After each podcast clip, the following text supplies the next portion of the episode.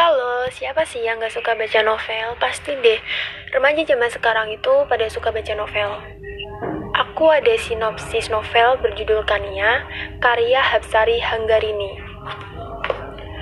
Aku yakin setiap orang pernah mengunjungi tempat yang membuatnya tak ingin kembali atau bahkan tak ingin mendengar namanya.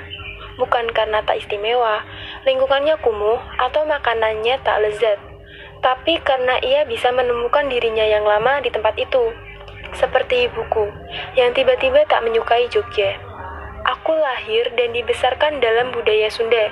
Tingkah laku, sifat, peran, hingga kepribadianku pun diatur dalam norma-norma. Meski begitu, orang tuaku tak pernah mengajarkan untuk membenci, apalagi memusuhi suku lain. Maka aku heran ketika ibuku tiba-tiba menangis saat kakakku memutuskan untuk menikah dengan seorang Jawa. Ia pun hanya terdiam ketika aku menyebutkan seorang yang aku cinta juga seorang Jawa. Aku bertanya padanya, kenapa? Tapi dia tak menjawab. Sampai akhirnya, saat aku mendapatkan alasannya di Ketapang, aku berpikir, wajar jika ibuku menangis. Itu sedikit sinopsis dari novel tersebut dan jatuh cinta itu cukup merepotkan apalagi kalau harus menyimpan rapat dalam hati. Hanya karena kita pernah berjanji pada diri sendiri untuk tidak mencintainya. Goodbye